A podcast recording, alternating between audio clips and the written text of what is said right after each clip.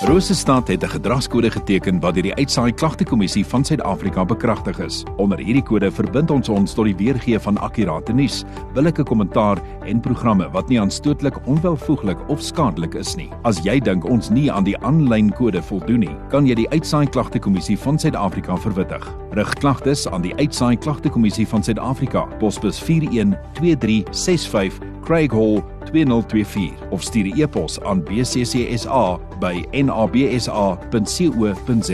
Vir verdere inligting, besoek www.bccsa.co.za. Nou Solidariteit het onlangs geskiedenis gemaak met die bekendstelling van sy alles in een werk en leer platform. Nou as deel van die alles omvattende platform is daar ook 'n splinternuwe digitale bymekaarkomplek geskep waar persone binne hul beroepsgemeenskappe kan netwerk.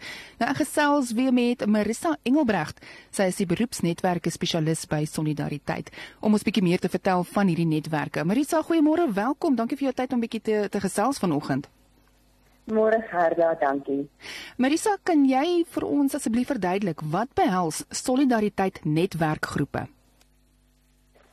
Wat so wendend is dink ek um, om te sê dat ons in 'n beroepsgemeenskap mense kan groepeer is juist wat jy ook nou gesê het, dit gaan oor die netwerkgeleenthede. Nou ek weet die luisteraars is is mense wat in bestaande beroepe is, maar daar's ook mense wat 'n hoërskoolkinders het wat moet gaan studeer of moet gaan werk een van die dae en studente wat nog in die beroep moet ingaan. En wat hierdie netwerk groepe van ons eintlik so bindend maak is dis letterlik 'n gemeenskap waar mense van verskillende ouderdomme en verskillende vaardigheidsvlakke saam kan leer, saam kan dink en saam kan groei in hulle beroepe.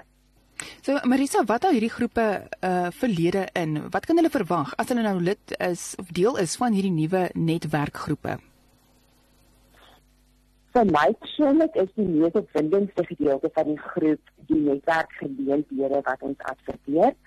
Ehm um, daar is natuurlik vir al die beroepe ook baie beroepspesifieke artikels, inligting, berigte.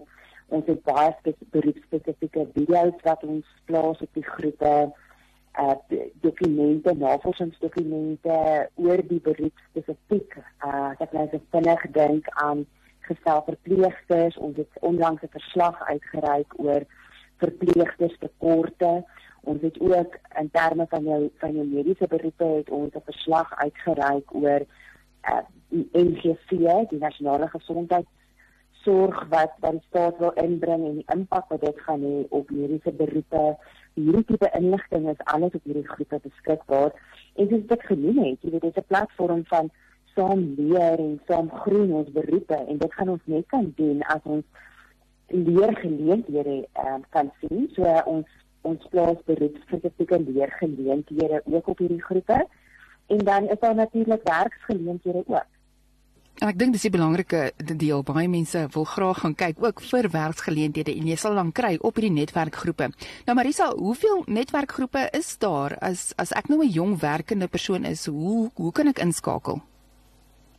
So, ons het 11 netwerkgroepe op hierdie stadium en as ek net hierdie lysie gaan, wil ek eintlik die jong mense wat luister aanmoedig of mense wat jong mense ken wat nou tot die beroep moet toetree aanmoedig om die inligting ook met hulle te deel.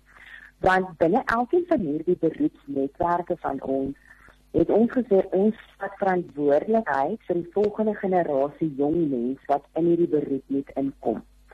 En dit dit is nogal 'n baie omvattende verantwoordelikheid want hoe kry jy 'n jong mens in die werkplek of in die betrokke beroep? Die eerste ding is jy moet die regte ervaring of kwalifikasies vir die betrokke beroep hê. En jy sê dit nou 'n uh, graad is of jy weet net 'n kursus wat jy moet doen of hoe dit ook al sê, maar die jong mens gaan net 'n verskil kan maak as hy of sy in die beroep kan inkom. En daarom het ons hierdie netwerke wat letterlik hand uitsteek en sê ek het geleenthede vir jong mense. Ek wil Afrikaanse jong mense in diens stel doen aansoek by ons vir klerkskappe, internskappe, uh, skare werkgeleenthede self. En daarvoor moet ons die jong mense ook bemagtig. So alles in terme van CV voorbereiding, ons doen selfs onderhoudsvoorbereiding met die met die jong mense om hulle te help om effektief deur die werksmag te kan tree. Nou die elf groepe wat tans aktief is op hierdie platform van ons is natuurlik die ambagsgroep, ons het 'n lekker groot groepering ambagslei. Dan in jou administratiewe poste kan jy aan die kantoorpraktisynsgroep behoort. Dan het ons 'n groep vir mense soos ek en jy, ehm um, kommunikasie en bemarking journaliste grafiese ontwerp dit is ook nog 'n lekker kombinasie mense wat in daai groep gegroepeer word. Maatskaplike werkers het hulle eie groep eh, vir die mediese beroepe het ons aptekers eh, dokters het hulle eie groep verpleegkundiges het hulle eie groep en dan het ons ook vir jou finansiële beroepe 'n groep. Ons het 'n groep vir regslui ons het 'n groep vir onderwysers en dan ons nuutste toevoeging is IT So het sy dit harde ware, sagte ware stelsels nog nie saak nie. Daai pakkie is ook nogal vol. Mm -hmm. Maar wat wat opwindend is, is om dit vir elkeen van hierdie groepe 'n uh, adviesraad ook van mense wat uit die beroep uitkom. En hulle adviseer ons ook in terme van wat is die uitdagings wat ons in ons beroep ervaar. En volgens dit word hier julle ek wil amper sê 'n uh, inligtingspakkie wat ons opstel en kommunikeer deur lopende te groepe word eintlik op advies van hierdie professionele mense gedoen. So ons ons besluit nie net ons verstaan die wêreld van die dokter nie, die dokter verstaan die wêreld van die dokter die beste. En daarom kan ons regtig die kundigheid van van mense op ons adviesrade gebruik tot voordeel van mense wat tans in die beroep staan en die jong mense wat moet tree. So gesels Marisa Engelbrecht, sy is die beroepsnetwerke spesialis by Solidariteit. Ons gesels 'n bietjie oor hierdie hierdie netwerkgroepe. Nou Marisa, hoe kan lede van die publiek deel word van Solidariteit netwerk? Dit eintlik baie eenvoudig. Ek hou nie ek weet nie van die ander mense nie, maar ek hou nie baie van sukkel nie. So as jy gaan na www.solidariteit.co.za, dan het jy letterlik net 'n profiel nodig.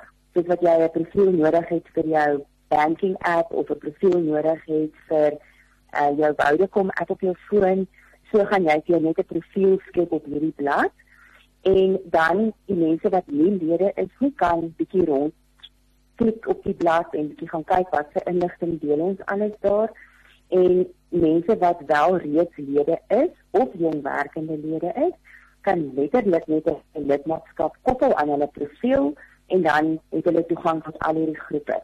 En as jy dit voorbeeld 'n onderwyser is wat IT as 'n vak, dan is daar geen rede hoekom jy as 'n lid nie aan al hierdie groepe kan behoort nie.